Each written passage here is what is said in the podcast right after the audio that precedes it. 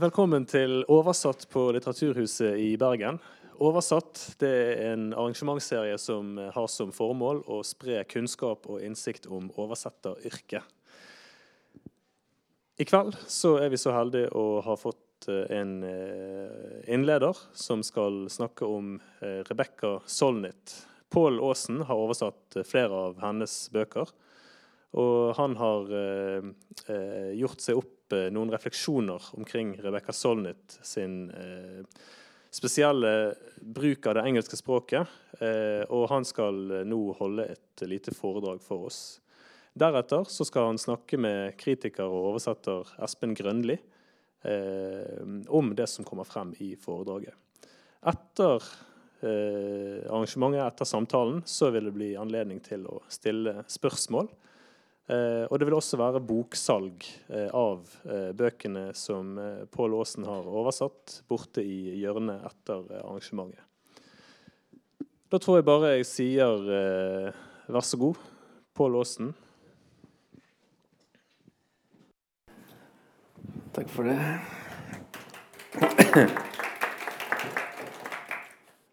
Til dem av dere som har tatt turen hit ene og alene for å høre om eh, Rebekka Solnits tanker og ideer, så kan jeg bare beklage. For her skal vi snakke om oversettelse. Og det er kanskje like greit, for Espen her og jeg vi er to snart middelaldrende menn. Og da kan man spørre seg om det hadde vært litt i overkant om vi satte oss til her framfor dere og la ut om f.eks. begrepet 'mansplaining', altså den tendensen menn har, særlig i sosiale sammenhenger, til å belære kvinner om ting som alle, ikke minst kvinner, allerede vet.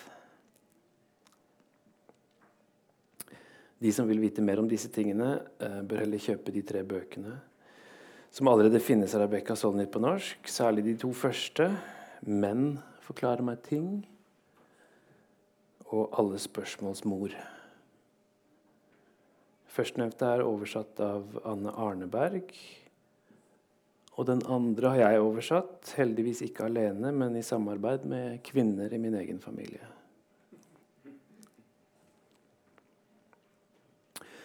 Da Pelikanen forlag bestemte seg for å gi ut Rebekka Solnit på norsk, eh, var det ikke disse to bøkene man hadde i tankene. For de var ennå ikke utgitt på engelsk. Eh, det var derimot A Field Guide to Getting Lost og Det er bl.a. denne som har skaffet Solnit en eh, posisjon i hjemlandet i USA som en helt særegen litterær sakprosaist. Man trenger bare å lese et par setninger av Solnit for å slå fast at eh, ja, dette er på et vis dokumentarisk og saklig. Det handler om reelle og historiske hendelser og fenomener. Men det blir formidlet med det vi må kalle en litterær stemme. Vil si, denne stemmen er egentlig flerstemmig. Den går i dialog med samtidsdebatten, med filmer og skjønnlitteratur, med religion og akademisk litteratur, med historiefortelling fra ulike kulturer. Og den tar eh, dermed også opp i seg mange ulike registre. Fra enkle påstandssetninger til lyriske betraktninger i en ofte muntlig og liksom henslengt syntaks.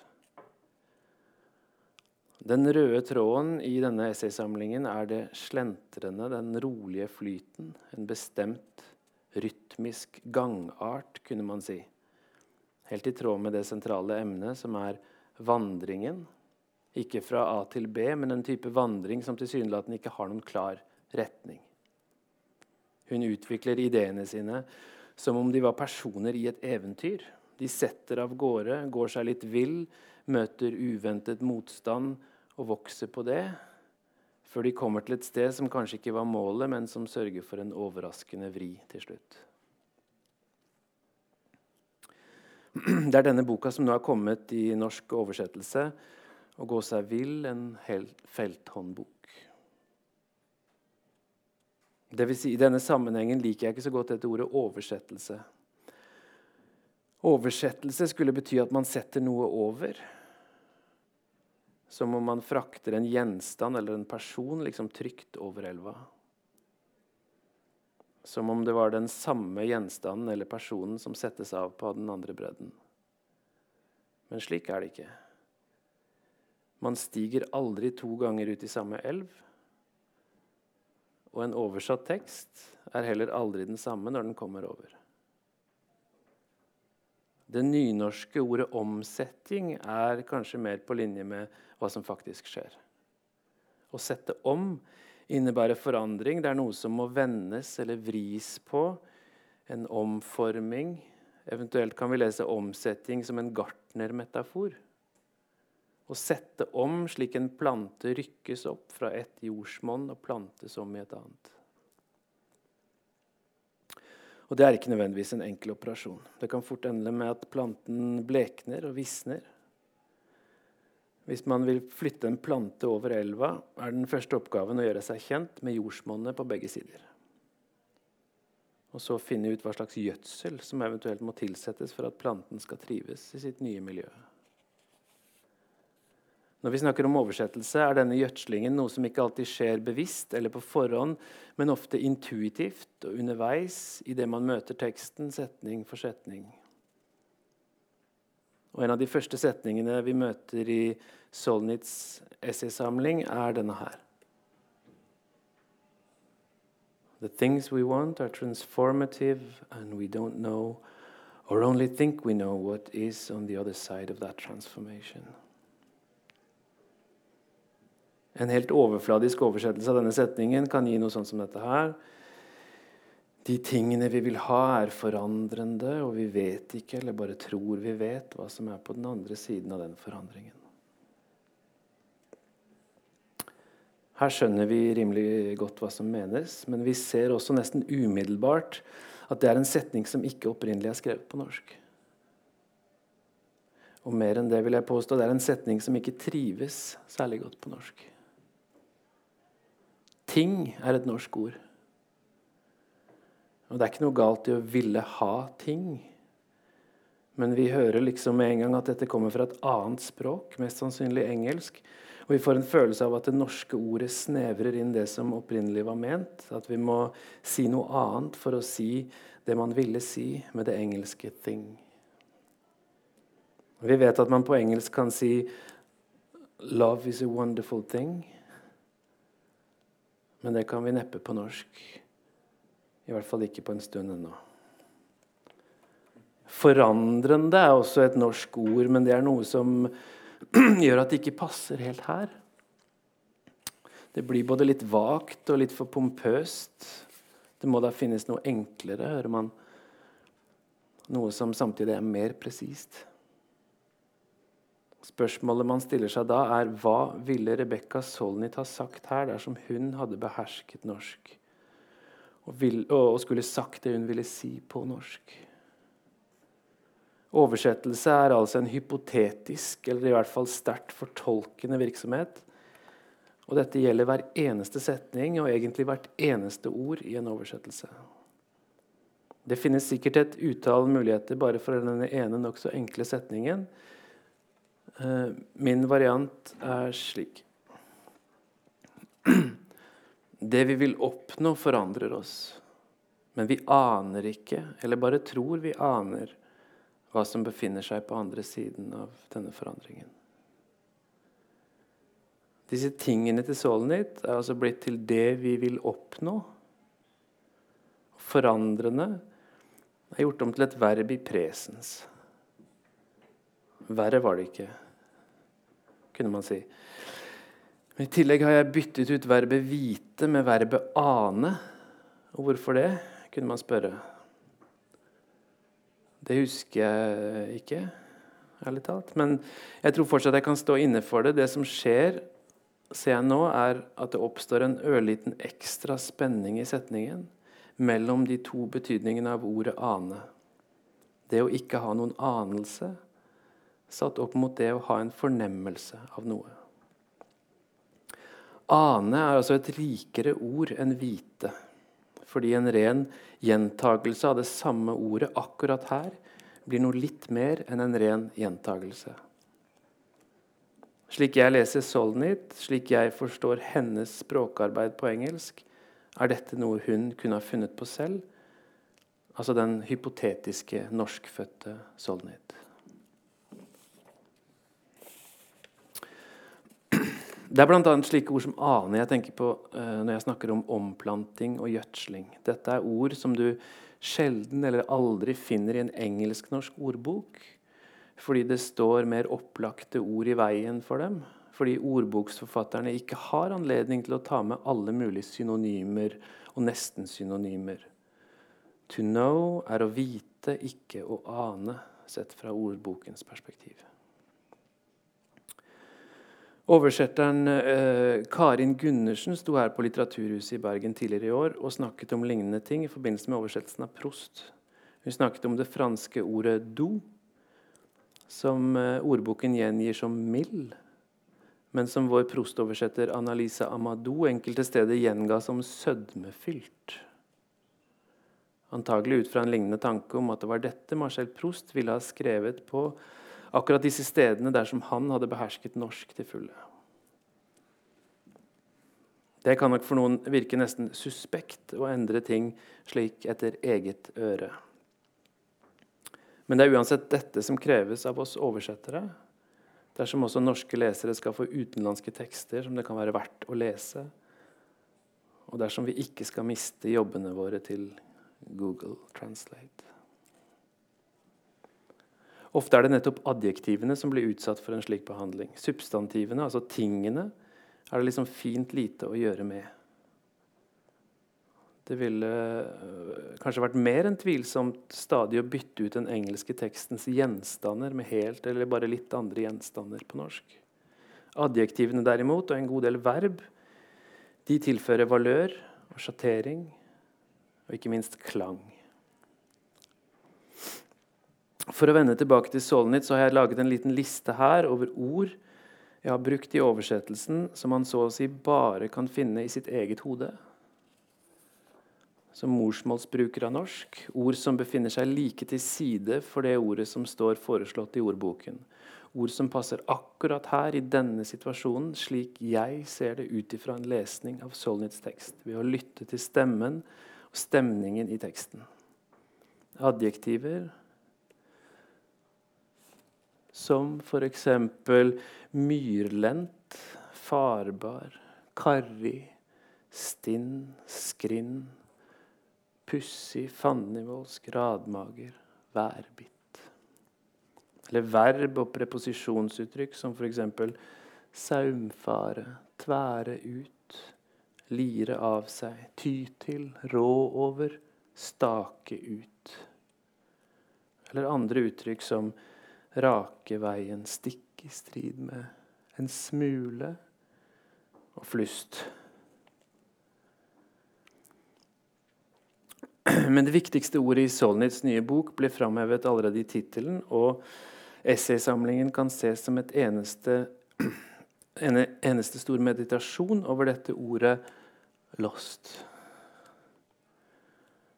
Ordet kommer fra norrønt, forteller Solnit. Men selv det er til liten hjelp for en norskoversetter. For selv om vi har spor etter det opprinnelige lås i ord som løs og løsne, er det helt andre ord vi må ty til i oversettelsen. Flere ulike ord for det som er det samme hos Solnit.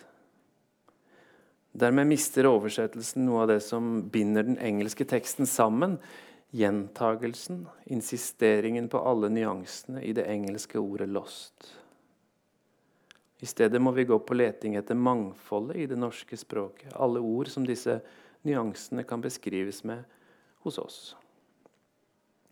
Her leser jeg litt fra oversettelsen. Det engelske ordet 'lost' har egentlig to motstridende betydninger. At noe blir borte, handler om å miste noe kjent av syne. Å gå seg bort handler om at noe ukjent trer fram. Mennesker og ting kan glemmes eller mistes, slik du mister et armbånd, en venn eller en nøkkel.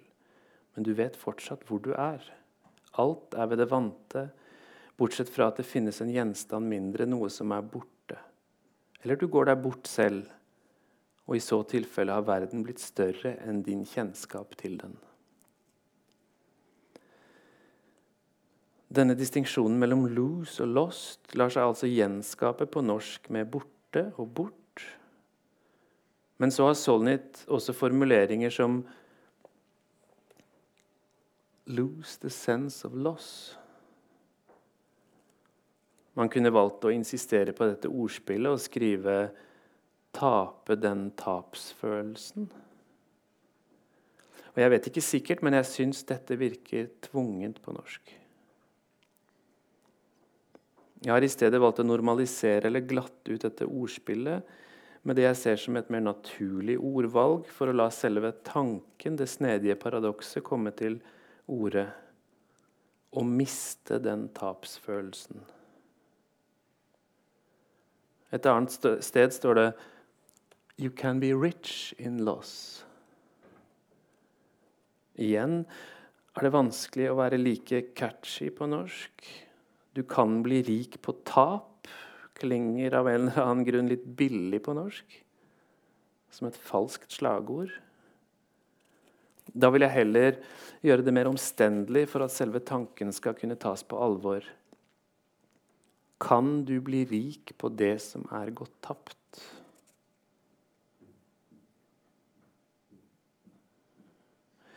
Det er mitt håp at denne påstanden skal gjelde for oversettelsen også. At selv om mye av uh, Solnits henslengte eleganse går tapt i oversettelsen, kan noe vinnes tilbake ved å bore i våre hjemlige ressurser. I dette tilfellet blir det snakk om å lete fram et nettverk av ord i den norske teksten som viser til og beriker hverandre.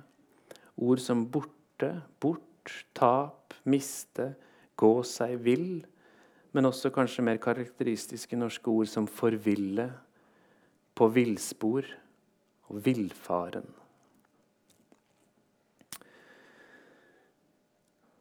Så La oss da se på et nytt eksempel fra Solnits tekst, og nå blir det straks verre. Solnit snakker om Virginia Woolf, om hennes karakteristiske måte å gå seg vill på. Ikke ute i naturen, men gjennom en slags oppløsning av sin egen identitet.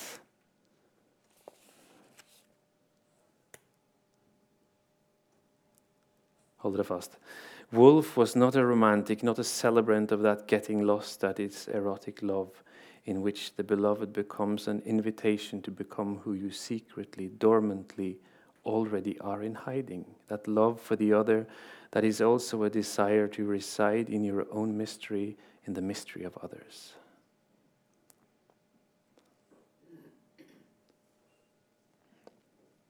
Som dere ser av klammeparentesen, er det egentlig mer her. Men det som står, er vel allerede nok til å frykte at dette lett kan komme til å bli knotete på norsk. Først og fremst skulle man kanskje ønsket seg en kortere setning, men å dele den opp er ikke noe alternativ. slik jeg ser det. Som jeg sa tidligere, er rytmen noe av det som er helt karakteristisk for Solnit. Den rolige flyten, det henslengte og assosiative. Nei, Hvis jeg bryter opp setningen, forbryter jeg meg samtidig mot forfatterens egen gangart. Men det finnes heldigvis en annen ressurs, en metode som i oversettelsesteorien kalles transponering. I musikken betyr transponering å skifte toneart. I lingvistikken betyr det å skifte ordklasse. Ikke bytte ut tingene, altså, men gjøre dem om til egenskaper og handlinger, altså adjektiver og verb. En slik måte å oversette på er ikke bare veldig tidkrevende. Jeg tror jeg brukte en hel dag på denne setningen her.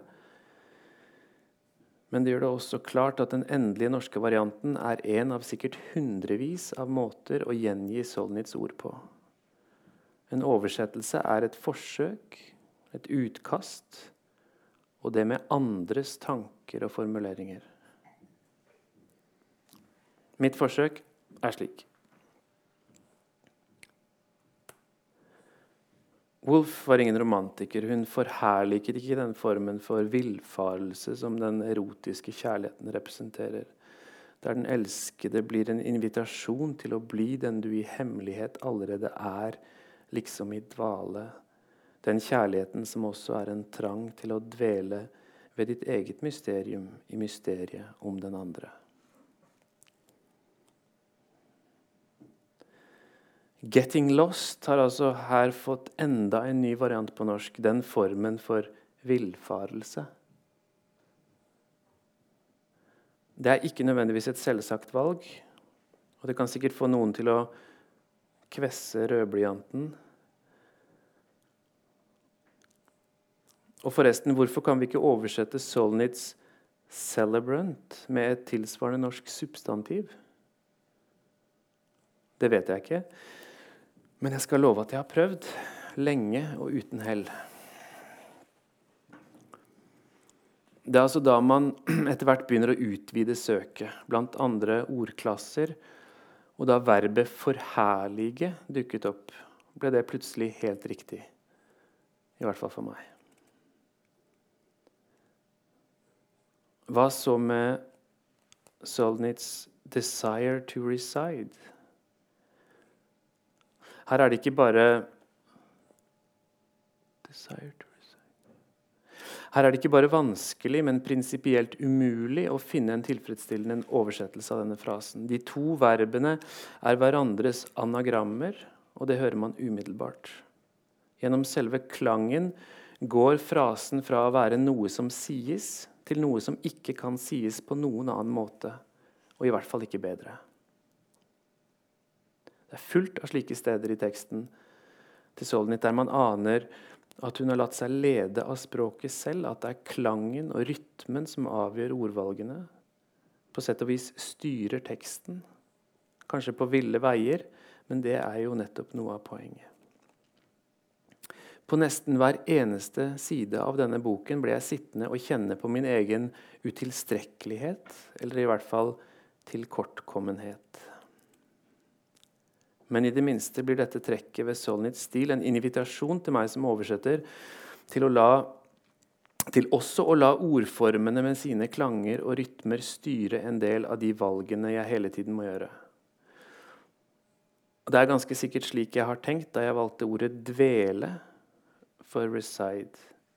Det gir seg ikke ut ifra oversettelsen av 'desire' som trang, men følger antagelig av at jeg like over har dvale for dormantly. Desire to reside går nødvendigvis tapt, men det oppstår en ny forbindelse mellom dvale og dvele. Noen steder kan dette prinsippet til og med bli så viktig at jeg må bryte med det jeg sa tidligere om ikke å bytte ut tekstens gjenstander. For hva hvis disse gjenstandene er kommet til Solnits tekst som klang. Se på dette her. Clothes that looked ancient, worn, combat and cobweb stuff. I forrige uke ga jeg bl.a. denne frasen til 13 oversettere på et seminar i Oslo. Og da, med kort betenkningstid, valgte så godt som samtlige å gjengi siste ledd her med ord, ofte sammensatte ord, som hadde krig eller kamp og spindelvev i seg. For det er jo det Solnit sier. Men igjen, ville hun kommet på å si det dersom hun skulle si det på norsk? Eller sier hun kanskje 'cobweb' fordi hun har sagt 'combat'? Sier hun 'combat' og ikke f.eks. 'army' fordi hun skal til å si 'cobweb'? Og forresten, gir det, hele, gir det i det hele tatt mening å snakke om spindelvev i denne sammenhengen? Her er da sammenhengen. Ruins were the symbolic home of much of the art of the time, the backdrops for rock videos and fashion photographs for clothes that looked ancient, worn, combat and cobweb stuff. Det er altså snakk om klær og mote i rocken på 80-tallet. Var det spindelvev som dominerte motebildet da? Selv hørte jeg mest på Knutsen og Ludvigsen på den tiden. Men etter å ha sett på noen bilder på nettet og gått noen runder med redaktøren min, Eirik Bø, landet jeg på denne formuleringen. Klær som så gamle og loslitte ut, kamuflasjemønstre, filler og frynser. Igjen, dette stemmer ikke overens med Solnits ord. Men det stemmer forhåpentlig noenlunde med bildet hun ville formidle. Det skaper en viss klang og rytme. Det vil si, det er klangen og rytmen som motiverer ordvalgene her, på samme måte som jeg opplever så ofte eh, hos Solnit. I oversettelsesteorien snakker man gjerne om hjemliggjøring og fremmedgjøring, uten at det alltid er klart hva man da snakker om. Fremmedgjøring knyttes gjerne til tanken om å oversette såkalt bokstavelig eller ord for ord, ut ifra en tanke om at man da kommer nærmere den fremmede teksten, mens det egne språket framstår i et fremmed lys, med formuleringer som ikke er helt vanlige eller naturlige. 1700-tallsfilosofen Friedrich Schleiermacher snakket om dette som et ideal. Å bringe teksten mest mulig uformidlet til leseren, i motsetning til hjemliggjøring, altså det å modifisere teksten på det egne språkets premisser for å gjøre teksten lettere å lese og forstå. Ut ifra det jeg hittil har sagt, må det virke som om jeg er uenig med Schleimacher. Og det er helt riktig. Hjemliggjøring kommer man uansett ikke utenom. Jeg mener det er en illusjon å tro at man kan få direkte tilgang til det fremmede ved en tekst gjennom oversettelse. For det fremmede i en oversettelse er ikke fremmed på samme måte som det er fremmed når vi leser en tekst på et annet språk. Da er det fremmede innlemmet i dette andre språket på en måte som ikke er fremmed, men nettopp hjemlig også når en tekst bryter med det som er vanlig i dette språket. Det uvanlige lar seg heller ikke overføre direkte, men blir på et vis dobbelt uvanlig dersom vi oversetter ord for ord. Akkurat det kan godt vise seg å bli en ressurs for oversetteren, men det må avgjøres i hvert enkelt tilfelle og aldri bli et prinsipp for oversettelse.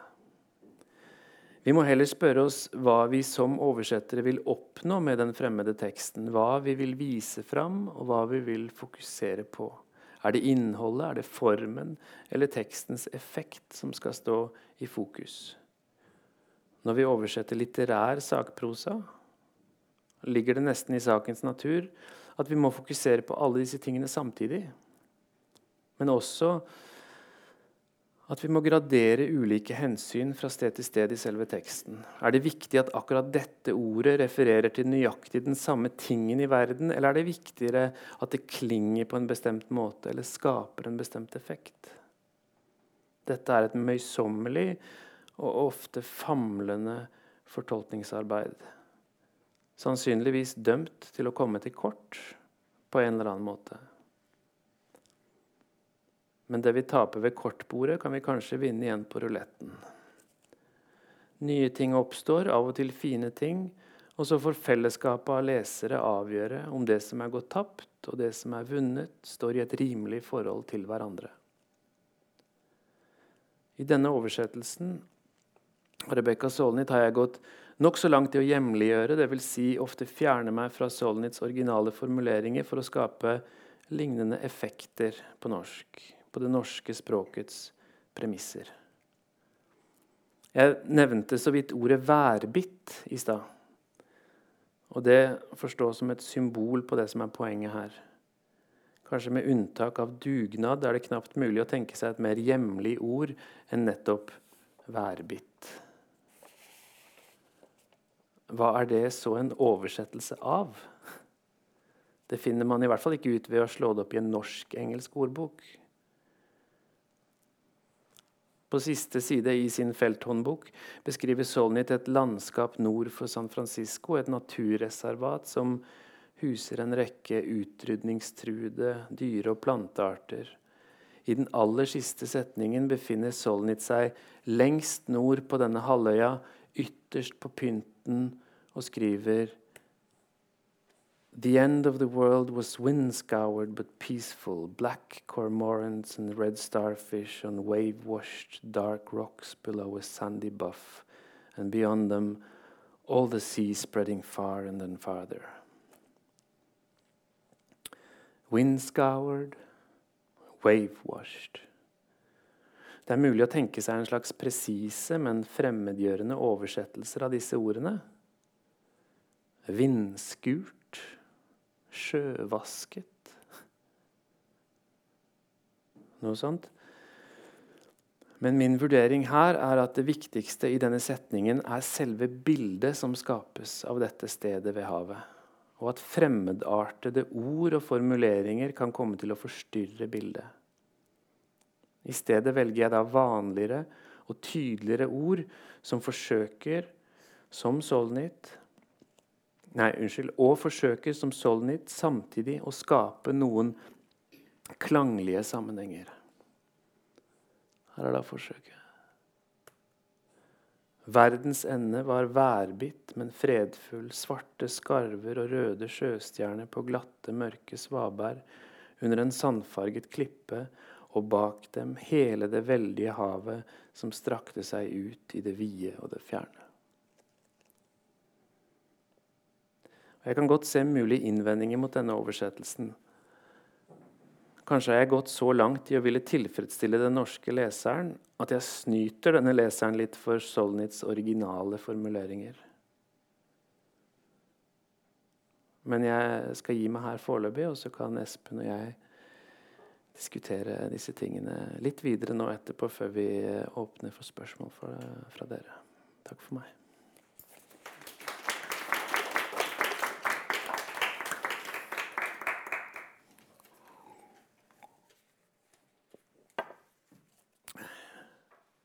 Oi. Nei. Klarer du å fikse det, Espen? Kan han stå der? Ja.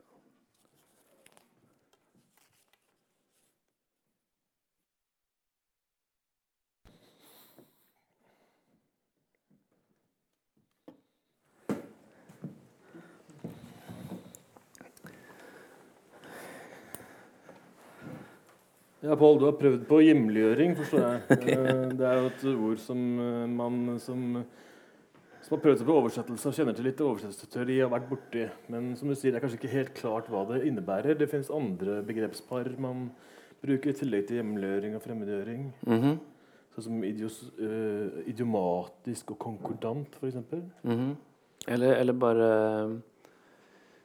akseptabelt og adekvat, bruker noen.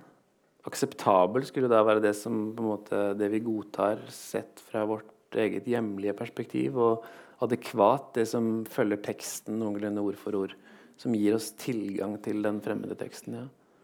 Men du har altså prøvd på å finne den eh, hypotetisk norskfødte Solnitz i norsk. Ja, det er suspekt. Jeg hører Ja, det. ambisiøst. Ja, ja, ja, ja, ja, ja. Nei, ja, det, er, det, er, det, er litt, det er litt mye.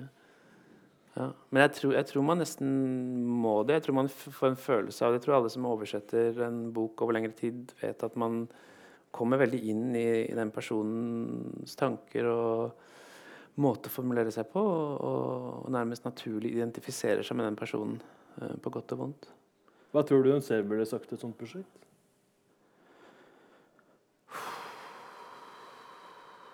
Og det var inn fra venstre. Eh, jeg vet ikke, altså. Eh, Nei, jeg, jeg, jeg frykter at hun, at, hun, at, hun vil, at, hun, gjerne ville sett sine egne formuleringer eh, eh, grundig, nøye, tett gjengitt. Men, jeg, men det kan jeg ikke ta hensyn til, for hun har ingen eh, Hun har ingen forståelse av norsk. Hun vet ikke hvor eh, hun vet ikke hvor eh, hvor fremmed eh, sånn rent estetisk de, de, de valgene ville, ville virket. Hvor, hvor fremmedgjørende i en sånn negativ forstand det ville virke på leserne. Jeg tror hun vil ha lesere. Jeg tror, jeg tror, jeg tror hun er såpass opptatt Hun definerer seg selv som, eh, som sakprosaist. Hun, si, hun sier et sted at sakprosa har for meg noe fotografisk ved seg. Um, og de samme etiske forpliktelsene overfor sitt emne. Det er noe i verden hun vil vise fram, så å si ta bilde av. Og hvis, hvis, mine strategier kan hjelpe til at de bildene framstår tydeligere, så håper jeg at hun ville godtatt det. Ja, for det har et eller annet med sjanger å gjøre, kanskje. Du har mer erfaring som oversetter enn meg, og du kan oversetterteori og oversettelsesteori bedre enn meg også. Eh, er det et eller annet uh, Tar jeg feil hvis jeg sier at denne fremmedgjøringsstrategien på en måte har blitt mer i vinden de siste tiårene? Er det, det er et inntrykk jeg har. Mm -hmm. uh, det kommer fra amerikansk oversettelsesteori, da? Ja, ja det. Jeg tror, jeg tror det er jeg tror større åpenhet, uh, med god grunn, for at amerikansk uh, språk, som jo er verdens dominerende språk, kan tillate seg å ta inn eh, fremmede elementer fra verdens mindre språk med mindre omkostninger enn vi kan på norsk. Mens vårt eget språk i vår tid er under det største presset siden en eller annen gang i uh, senmiddelalderen, da, da, da middelnedertysk Dette vet du mer om, Espen. middelnedertysk tok over, holdt jeg på å si, da vi, da vi mistet de norrøne formene og, og, og, og, så å si ble et uh, germansk språk. Ja. Hmm. Jeg, jeg, tror at det er en reell fare nå. Og at vi som oversettere faktisk har en nesten etisk, uh, ideologisk forpliktelse til å verne om og insistere på våre egne språkformer. Det, det, ser, det ser jeg på som uh, en av oppgavene når man oversetter den type prosa som dette her. Ja. Mm. Opprinnelig så hadde du tenkt å kalle dette foredraget ditt noe med hvordan engelsk er et uh, hardt eller vanskelig språk. Fjer, ja, først, først, hardt, først hardt språk. Ja. Mm. Engelsk er et hardt språk. Uh, Espen vil ikke det, da. Fjern, fjernspråk står jeg inne for. Altså. Fjernspråk står jeg inne for. Ja, ja, ja. Hva mener du med det? Ja. Engelsk er en urfugl med laserblikk. Jaså? Ja. ja, det visste jeg ikke. To be or not to be. Ikke sant? Korthugne germanske former. That is the question. Probable question. Med, med liksom innflytelse fra det franske hoff pluss vår tids hypermoderne IT-språk. Det, det, er noe veldig urgammelt, veldig moderne ved engelsk. Eh, som gir en uhyre fleksibilitet, også grammatisk. Som vi rett og slett ikke kan tillate oss, tillate oss av historiske grunner. Så den her uenigheten din med Schleimacher altså Man kan jo tenke seg at det er ganske lett å være uenig med en 250 år gammel uh, mann. Ja, det er billig. Det er sant. Ja. Det, kanskje, det, er kanskje litt sånn avhengig av konkrete omstendigheter som hvilket språk man oversetter fra og til. Du er ikke, ja. du er ikke noen partisan for hjemliggjøring i enhver sammenheng, eller? Nei, nei. nei jeg syns det ville være Jeg, jeg syns en, en, amerikansk uh, oversetter som oversetter en syrisk eh, poet, eh, godt kan tillate seg en viss grad av fremmedgjøring. Ja. Og Hva ville fremmedgjøring være? da? Hva, hva, hva mener du med ordet? det kan være alt mulig. Det kan være, det kan være, fremmed. det kan være sånne ord som vindskurt. da. Altså som, som, som, som låter som vi, som vi, sikkert aldri har hørt før på norsk. Eh, og som det ville vært spennende å ta inn på en eller annen måte. Og kanskje i andre sammenhenger. Kanskje i en annen sjanger. Ja, men Kanskje noe med syntaksen også? eller at, at, det er noe med ordrekkefølgen på andre språk som kan skape andre sammenhenger, andre bilder? Selvfølgelig. selvfølgelig. Men det, men det tror jeg Det var vi litt inne på uh, tidligere. Vi snakka en gang om at uh, om at uh, prosa er tross alt drevet av Og dette er, jo, dette er jo på et vis sakprosa òg, da. Altså det er, det er um, Målet er jo at leseren skal lese videre. Eh, bli revet med, så å si. Ikke stoppe opp. Eh, poesien, derimot, den, den, den Der er kanskje poenget mer at du skal stoppe opp og tenke etter. Kunne dette vært sagt på denne måten? Eller hvis det sies på denne måten, gjør det da et eller annet med mitt forhold til denne tingen? Ja, man kan tenke seg en omsetning av poesi som på en måte ikke griper diktet ved å gjøre det for, næ- for hjemlig, for nært for Ja. egen uttrykksmåte. Ja. Så går et eller annet helt vesentlig tapt. ja. Og glatte ut og normaliserer. Men sånn syns du ikke det er her. Nei, med Solnit? eh. Nei, jeg vet ikke. Det har kanskje noe med sjangeren å gjøre. Altså Men det er, det er, det er en sånn lyrisk jeg Kalles ikke det ofte en lyrisk essaystikk eller lyrisk sakprosa det, Ja, det. Solnit bedriver, da? Ja. Jeg mener likevel ikke at hennes eh, ordvalg er så originale at vi kan tillate oss, å stoppe opp midt i setningen. Eh, det, er, det er en type eh, lyrikk som har mer med bilder og tanker å gjøre. Og tanken må tenkes til ende for at den skal bli lyrisk. Bildet må ses i sin helhet for at det skal bli lyrisk. Men det er jo også noe med disse, disse allitasjonene en sånn, Der ordene kombineres pga. deres klang, altså allitasjon og Ja, assonans, ja, ja, som, som er lyriske grep, kanskje. ja, ja. Som du gjengir noen steder, Ja. andre ikke. Ja, ja. Jeg vet ikke. Nei, det kan hende at jeg har falt litt for eh, altså At jeg har blitt litt for uh, domestisert eh, si, av Solnit. At jeg har blitt for glad i klanglige sammenhenger rett og slett bare ved å oppholde meg i hennes prosa over lengre tid. Og det kanskje ikke er en prosa som jeg er spesielt glad i selv. Men, men for, og virkelig, dette her er ikke mitt forsøk på å skrive Solnit slik jeg ville ha skrevet selv. Altså Dette er en estetikk som ligger ganske fjernt fra meg personlig. Uh, så jeg, jeg, jeg, jeg prøver virkelig ikke å Jeg prøver virkelig ikke å forbedre. Jeg prøver bare å, å gjengi noenlunde ut ifra Men ut ifra et veldig sånn eh, komplekst hierarki da, av prioriteringer. Hva det er Solnit prøver å si. Men er, jeg ser at det er eh, At det er uh, ambisiøst. Ja, si. Ja, jeg, oversatte Dante i sin tid, det som var Dan- Dantes såkalte poetikk fra latin, eh, under tittelen 'Om diktning på folkespråket'. Eh, det er tolv år siden nå. Og da brukte jeg som en av konsulentene min, det som var veilederen min på hovedfaget, det jeg også hadde skrevet om Dante, Jon Hårberg, som på en måte er en eminent, men også på en måte veldig klassisk i beste forstand filolog. Men han, han framholdt det at hvis, at hvis jeg noen sted prøvde å forbedre originalteksten, Mm. da begikk jeg liksom den største dødssynden. Mm. Eh, hva tenker du om det, egentlig? Du sier at du ikke prøver å forbedre Solnit. Men, så du er enig i det, da? Det, er liksom, det må man aldri gjøre. Forbedre? Forbedre originalen. Ja, det mener jeg. Det, det Men det strider ikke det litt med noe du sa til meg en gang om, om Roberto Saviano? Eller misforsto jeg deg? Du har oversatt Saviano. Mm, forbedre, men bare ut fra et norsk perspektiv. da. Ja. Ok, Det eksempelet må vi kanskje få klargjøre. For det er eh, Roberto Saviano. Kjenner dere til Roberto Saviano? Det er en, eh, en sakprosaist, men på en måte litt i samme tradisjon. En, en, en, eh, da ung mann som skriver fra, fra sin virkelighet i Napoli.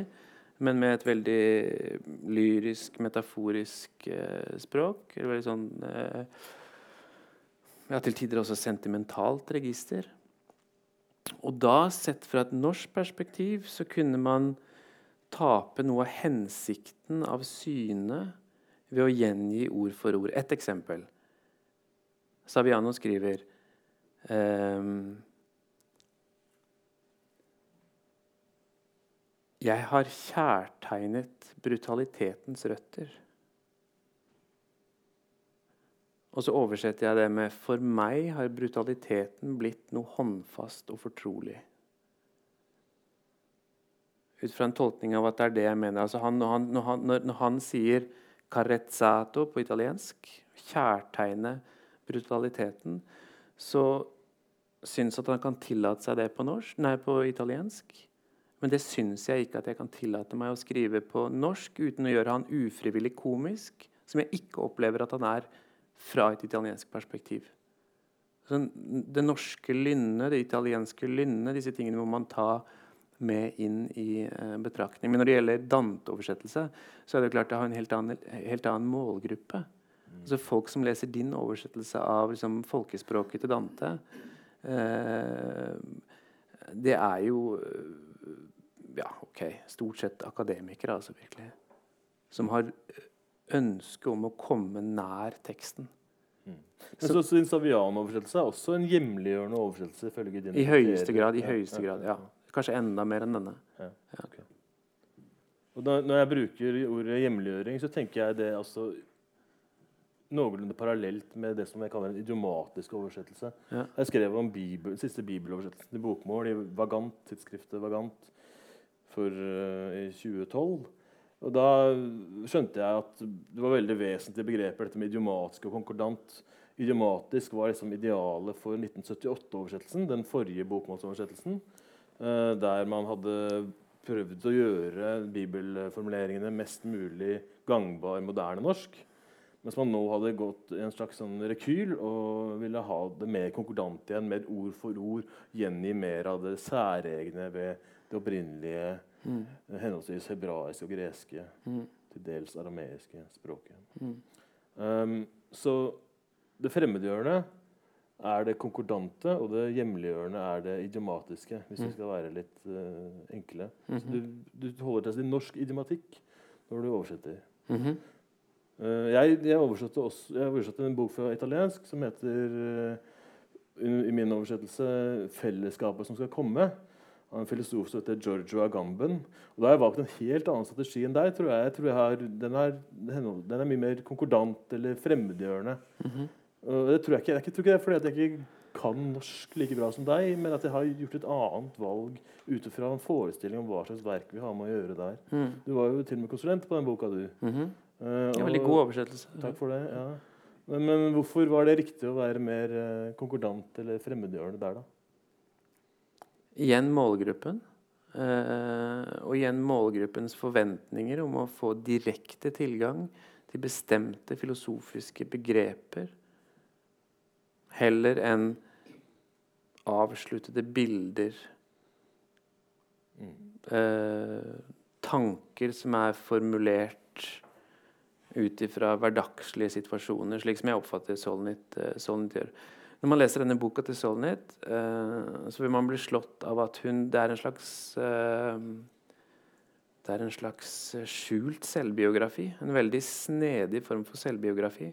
Hun snakker om et, eh, et utall av emner, eh, men alltid sniker seg selv inn på ulike steder i teksten, slik at man til slutt, når man, når man liksom sammenfatter i hodet hva man har lest, så får man også et bilde av, av hennes liv til, fra barndom via kjærlighetsforhold eh, til, til nåtiden og skrivesituasjonen.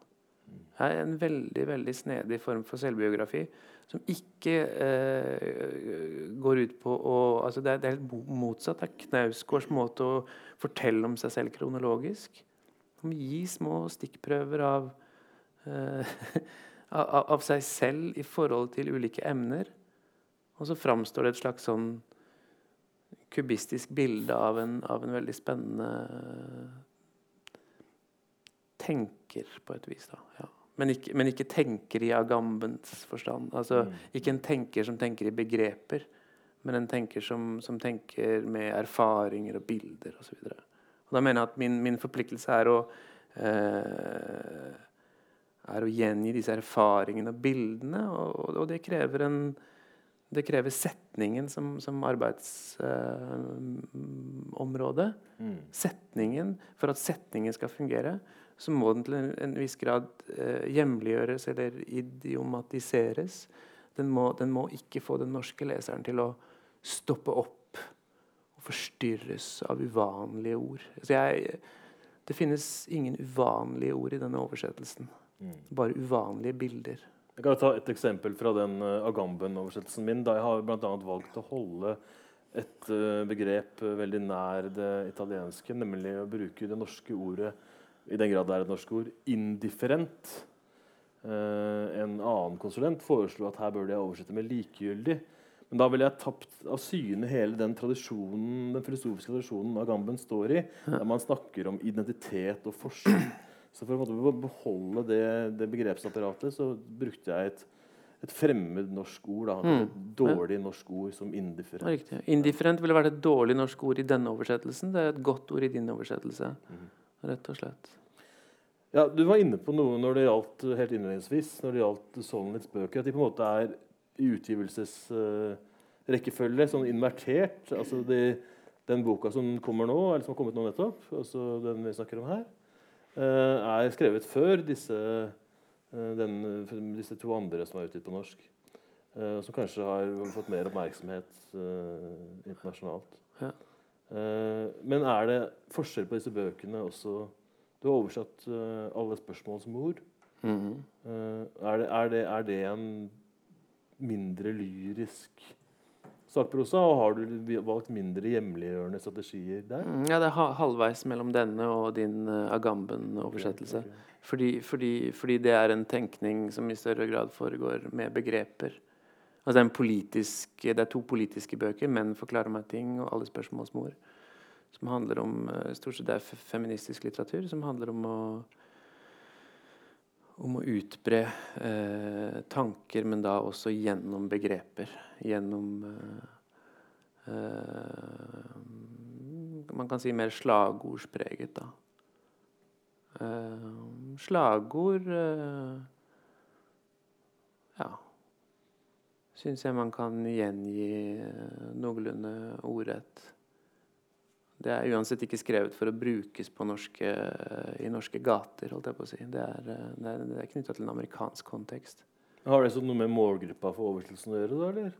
Når du, når du velger en mellomstrategi, eller er det Nei, jeg håper at alle leser eh, alle disse bøkene. okay. Ja. Jeg, det er bare en liten, Vi snakker om oversettelse. og så heter den ene boka her, altså, som du har oversatt tidligere, med hjelp av kvinner i din familie, 'Alle spørsmåls mor'. Ja, ja. I mitt hode så klinger det litt sånn, som en anglisisme. Alle spørsmålsmor. Ja. Er dere enig i det? Nei, Er det- ikke. er det Det er meg. Anglisisme. anglisisme. Alle spørsmålsmål. Nei. Litt, ja. Ja. ja, ja. ja jeg, jeg syns også det. Jeg syns også det klinger litt som en anglisisme. Men på samme måte som alle bombers mor, som Trump slapp i Afghanistan nylig. Altså det, det går inn i det norske språket. Det er, det er en del av Ja, nei, jeg er ikke, jeg er ikke en stor tilhenger av den tittelen, men det er heller ikke jeg som velger disse titlene. Det er forlagene som velger titler. Det tror jeg vi De fleste oversettere ja, bare må medgi med hjertesukk at uh, uh, Sånn er det bare. Det er markedsavdelingene. I den grad det eksisterer noen markedsavdeling. For det er et lite forlag. Men, men, Ja, ja, men, men, eh, forlagene velger titler. Det, sånn er det bare. Ja vel. Det tror jeg ikke alle er klar over. Men kanskje alle oversettere er klar over det. Jeg hadde, hadde jo den, den, den, eh, det hell å være min egen forlegger på Dante-oversettelsen. ja, okay. Så ville den aldri kommet ut. Så, Nei. så, Nei. ja. Mm. Eh, Jeg tenkte vi, skulle, vi var i går Paul, Pål, på et seminar på Universitetet i Oslo. Eh, Der var Lawrence Venuti gjest. eh, Snakket om oversettelsesteori. Han er liksom en av nestorene innen oversettelsesteori. Og jeg har vært kritiker i mange år i ulike aviser og tidsskrifter. Og jeg fikk meg en liten vekker jeg, faktisk, av Venuti, selv om jeg var ikke like imponert over alt han sa. Han var ganske polemisk med sitt syn på oversettelse osv. Det kan du kanskje si mer om som kan mer om det enn det jeg kan. Men han snakka om én ting som jeg synes var interessant. Og det er kritikk av oversatt litteratur. Altså anmeldelser av oversatt litteratur i aviser, typisk. da. Og så han sa at i engelsk eller amerikansk sammenheng så er det vanlig, i beste fall, at oversettelsen, eller oversetteren blir nevnt i siste avsnitt sånn kursorisk, og da gjerne bare med det enkle poenget at her er dette ordet oversatt litt rart, eller typisk feil. Mm. Her er denne setningen ordet oversatt feil. Mm. Og jeg synes jeg kjente igjen det fra en del norsk, sam fra norsk sammenheng. Mm. Altså, jeg, mitt, eh, mine øyne så er det vel bedre at oversettelsen og oversetteren nevnes, enn at det ikke gjør det. Det synliggjør i hvert fall en eller annen bevissthet. Det, det, det, det viser at du vi ikke skal ikke tro at en bok som er skrevet på et annet språk, er skrevet på norsk. Men det er, det er et eller annet med kritikeren som skal drive irettesette oversetteren på Mm. enkeltord, som kanskje Mm. misforstår noe av av oversetterens oppgave, som er kanskje mer å skape en helhet av tone, stil eh, Mm. eh, Nærmest forfatterens persona skal gjenskapes. Det er vel litt det du skal fram til også. Er du enig med meg i det synet på kritikkens eh, rolle i praksis, eller er det, er det ditt inntrykk også? Hvordan kan jeg være uenig i det? Nei, det si det. Eh, min aller første oversettelse husker jeg veldig godt, for da Da fikk jeg én eneste anmeldelse, ikke jeg selvfølgelig, men boken, i Aftenposten. Og så var det eneste som ble nevnt om oversettelsen eller oversetteren, var at det var ett ord som var oversatt feil. Uh, og du er enig i det? Og jeg, ja, men selvfølgelig. Jeg gikk i kjelleren på det og tenkte at nå, nå er alt over allerede før det har begynt. Uh, jeg hadde oversatt det ene ordet feil. altså I en bok på 250 sider hadde jeg oversatt ett ord feil. Og jeg innså i det ble påpekt i Aftenposten at ja, dette ordet er feil. Han har rett. Uh, jeg har feil. jeg er verdiløs. Men så fikk jeg et brev fra en, en vanlig leser som hadde lest boka og sendt brev til Cappelen Forlag, og, som syntes dette var en fin leseropplevelse. Altså, det var en tekst som fløt fint, og, og det var ikke alltid man opplevde fra engelsk osv. Uh, og da turte jeg å, å, fortsette med oversettelsen. Jeg fikk det ene brevet fra denne ene leseren som hadde tatt seg tid til å skrive en mail til forlaget som ble videresendt. Så hvis kritikere kunne uh, nærme seg den, den, den, den vanlige leserens opplevelse av at det viktige ved en bok er ikke hvilke feil som begås. For vi begår alle feil, og oversettelse er en type aktivitet som, som gjør det helt umulig å begå feil. Eh, på, på, umulig å begå feil? Ikke umulig å ikke begå feil. Altså, det, det, pågår et verdensmesterskap i sjakk for tiden, og liksom de to beste sjakkhjernene eh, eh, strides. De, de, gjør faktisk feil hele tiden. Men det er vel ikke det vi fokuserer på. Vi er mer imponert over at de faktisk spiller på det nivået de gjør, enn at de gjør disse små feilene. Eller, eller, eller, som man sier, upresise trekk. eller så videre. Så det, det upresise trekk det gjør vi hele tiden som oversettere. Det gjør vi hele tiden når vi prater, når vi skriver. Alt mulig. Og i livet? Og, og i livet, Men altså, jeg tenkte på dette med kritikerne og oversettelse. Eh, det er kanskje ekstra sårbart å oversette fra engelsk, eller ettersom dette er et språk ja, ja, ja. Da, Man stiller seg jo naken. Ja? Det var ingen som opp, oppdaga den der eh, brutalitetens røtter og kjærtegninga og sånn. Det ble bare altså, Nei, nei, nei. Hvis jeg, hadde, hvis jeg hadde faktisk hadde skrevet at jeg kjærtegner brutalitetens røtter, så, så ville kanskje folk begynt å lure. Men, men, men, men, der kan man tillate seg eh, mye rart. Men i engelsk så blir man faktisk sett etter i kortene på en måte som er litt uh, uredelig, fordi kanskje noen kritikere har lyst til å bare vise for sin egen del at de har lest teksten grundig. Og det å lese teksten grundig, det, en del av det er å finne, finne fem feil. Da. Hvis du finner fem feil, så har du åpenbart lest teksten grundig. og gjort jobben din som kritiker. Det er utilfredsstillende, og ingen lesere som tenker sånn. Jeg tenker i hvert fall ikke sånn som leser. Nei. Hvis jeg finner fem feil, så er det lite, tenker jeg, i løpet av en bok. Mm. Men hva ville altså, jeg, jeg, altså, vi, vi, har jo sett uh, jo, Nei, hvor er det nå? Der. Jeg har funnet fem feil allerede ja, i den siste boka nå. Din egen oversettelse? Min, ja. ja, ja. Mm. Du sa noe en eller annen gang om, om uh, det å være tekstens advokat. Altså sånn i en eller annen slags buks, en metafor, da, men en, en, eller et bilde. Mm. Men der på en måte advokaten er, er uh, er en faktisk uh, juridisk kyndig som forsvarer en klient. Hva, hva, kan du utdype det bildet? Ja Det høres jo litt ille ut, da. Det, originalteksten er en forbryter, liksom. Eh, skal... Originalteksten er en forbryter? Ja, ja. ja. ja du, du, sa et eller annet med jo, en fremmed tekst som er forbrytersk mot norsk normal. Ja, den er jo det. den er jo det, ikke sant? Den er jo det. Altså, en engelsk tekst er jo forbrytersk uh, mot norske normer. Så det blir min, min advok fordømte advokatplikt å, å, å vise, vise, vise, vise, den teksten uh, Den beste versjonen av den teksten. Sett fra den norske uh, rettssalen. Nei, jeg vet ikke, jeg, jeg vet ikke hvor, hvor fruktbart det er å gå inn på det bildet der. Men... Se, nei, nei, eh, men jeg, jeg, vil snakke tekstens sak, da. Jeg vil, vil, vil, jeg vil, tro det beste. Jeg vil tro det beste inntil det motsatte er bevist. Altså, men igjen, det er en balanse der. Hvor mye skal man forbedre? Ja, altså, altså hvis, hvis, en tekst virkelig er dårlig skrevet, så kan jeg liksom ikke skrive en helt ny tekst og, og forbedre den. Altså, det, er det, det, er ikke på det nivået. Men jeg vil, jeg vil, jeg vil tro det beste om en tekst. Uh, I hvert fall innenfor setningen, på en måte. Jeg, vil, tro, jeg vil, anta at setninger henger sammen. Uh, mm, jeg vil få dem til å henge sammen. Mm.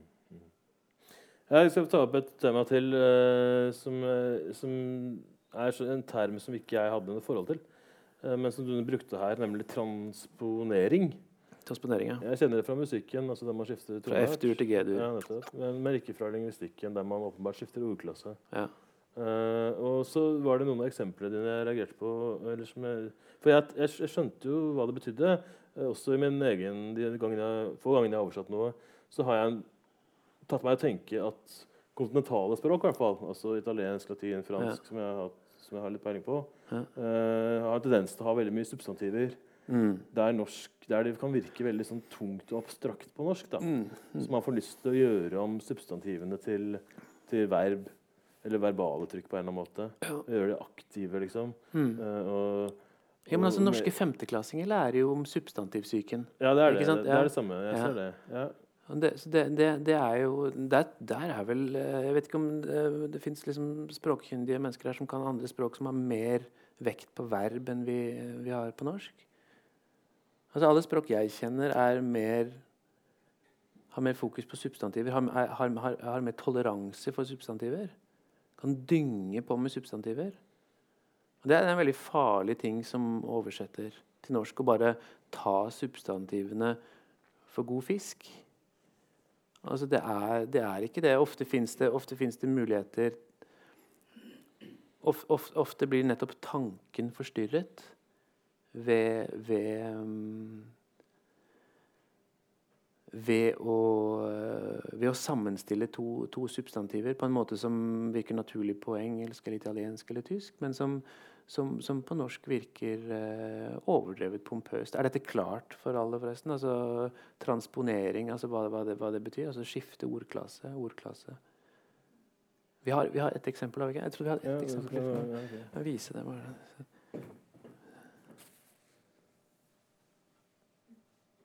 Oi. Ja, det blir litt sånn. Der, ja. Der. Der. Der. Se på den. Her snakker Rebekka Solnit om uh, countrymusikken. Hun har nylig oppdaget countrymusikken. Og så snakker hun om the older tunes that plumb the dark depths of emotional experience. Og da er man fristet som oversetter. Det er med eldre sanger som loddet følelseslivets mørke dybder. Altså, er det ikke det hun sier, da? Liksom? Er det, det høres ut som det er det hun sier. Men det er likevel noe der som er akseptabelt. The dark depths of emotional experience. Det virker liksom, det er, det er motstandsløst på engelsk. Vi vet at de har toleranse for dette. Dette kan man si. Dette kan man slippe unna med. Tanken forstyrres ikke. Egentlig ganske fint.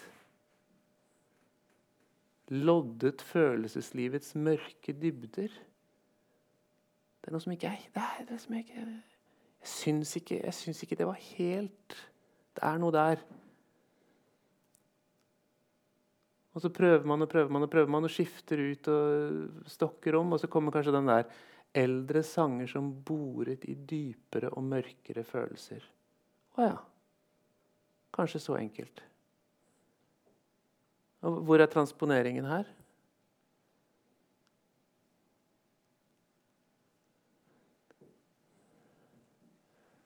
Dybde som er blitt til dypere.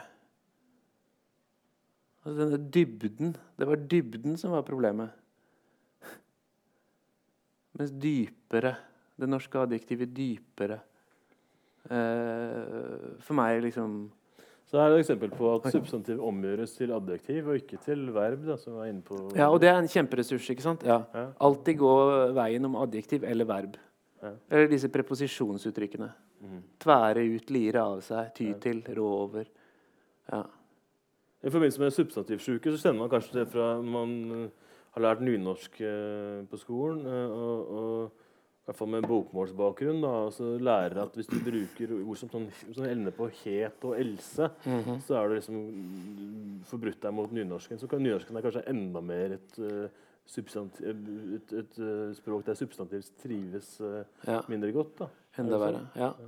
Eh, Jeg, jeg, ja, jeg, jeg liker å lese nynorsk litteratur. Jeg syns det, en- det er en måte å Det er en motvekt, faktisk, til å lese mye tysk og engelsk. Ja, for Du oversetter fra tysk også. Du oversetter både fra engelsk, italiensk og tysk. Ja. Jeg skal ser for meg det uten å kunne tysk særlig godt. Det, det, det er det inntrykket jeg har, at det er veldig Ja. lett for å bruke substantivet. Ja. Litt sånn abstra abstrakte Mm, ord. mm, mm. mm. En, en krimroman nå, eh, som jeg oversatte fra tysk, som ble helt uten framdrift. Det bare, det bare, bare stokker seg i ting hele tiden. Altså, de kommer ikke av veien. ikke sant? Det er så mye ting i veien. Men, så- men så gjør man det om til adjektiver og verb, og så plutselig så, er det, så flyter det fint. Og så, så, så er plottet bare seiler av gårde. Takk for.